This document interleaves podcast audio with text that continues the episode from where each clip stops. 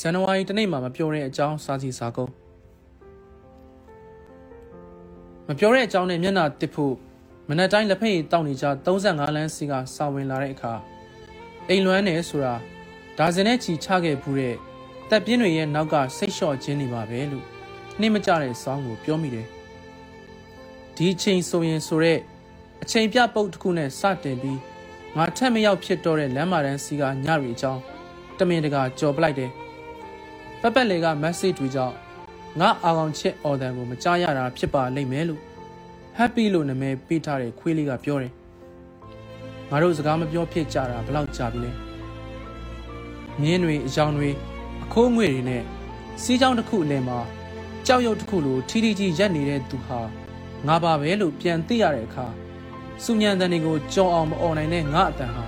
မြစ်ပြင်တစ်ခုဘေးမှာလွင့်ပြဲသွားတော့တယ် ဘဲကိုရောက်နေတာလဲ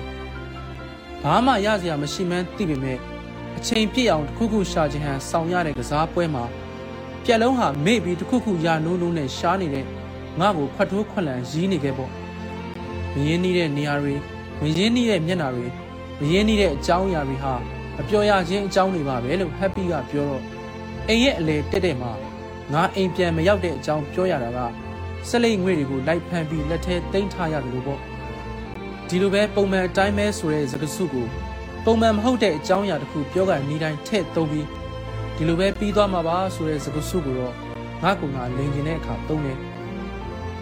ရက်တန့်ပြစ်လိုက်ပြီးအဲ့ဒီအချိန်ပိုင်းခြားထဲမှာနေကျင်တယ်ဆိုတဲ့နှစ်ကဒါပြီးရင်ဘာလုပ်ရမလဲလို့တွေးနေရတဲ့အားလက်ရက်မျိုးလိုပဲနေ့လည်ခင်းမှာရုပ်ရှင်ဖွင့်ထားပြီးစာမလာတဲ့ချက်ပုတ်ကစာတွေကိုပြန်ဖတ်နေတယ်လို့အချိန်ပိုင်းခြားတွေကြီးစုထားတဲ့ဟန်ပလင်းတစ်လုံးဆိုရင်လေ တခုခုကြောင့်မူးနေတာအကြောင်းမဲတော့မဟုတ်ဘူး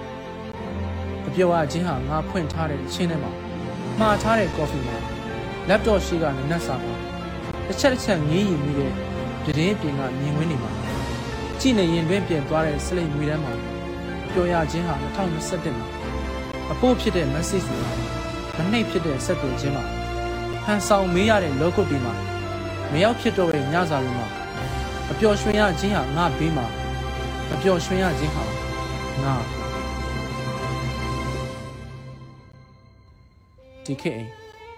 8ဇန်နဝါရီ2022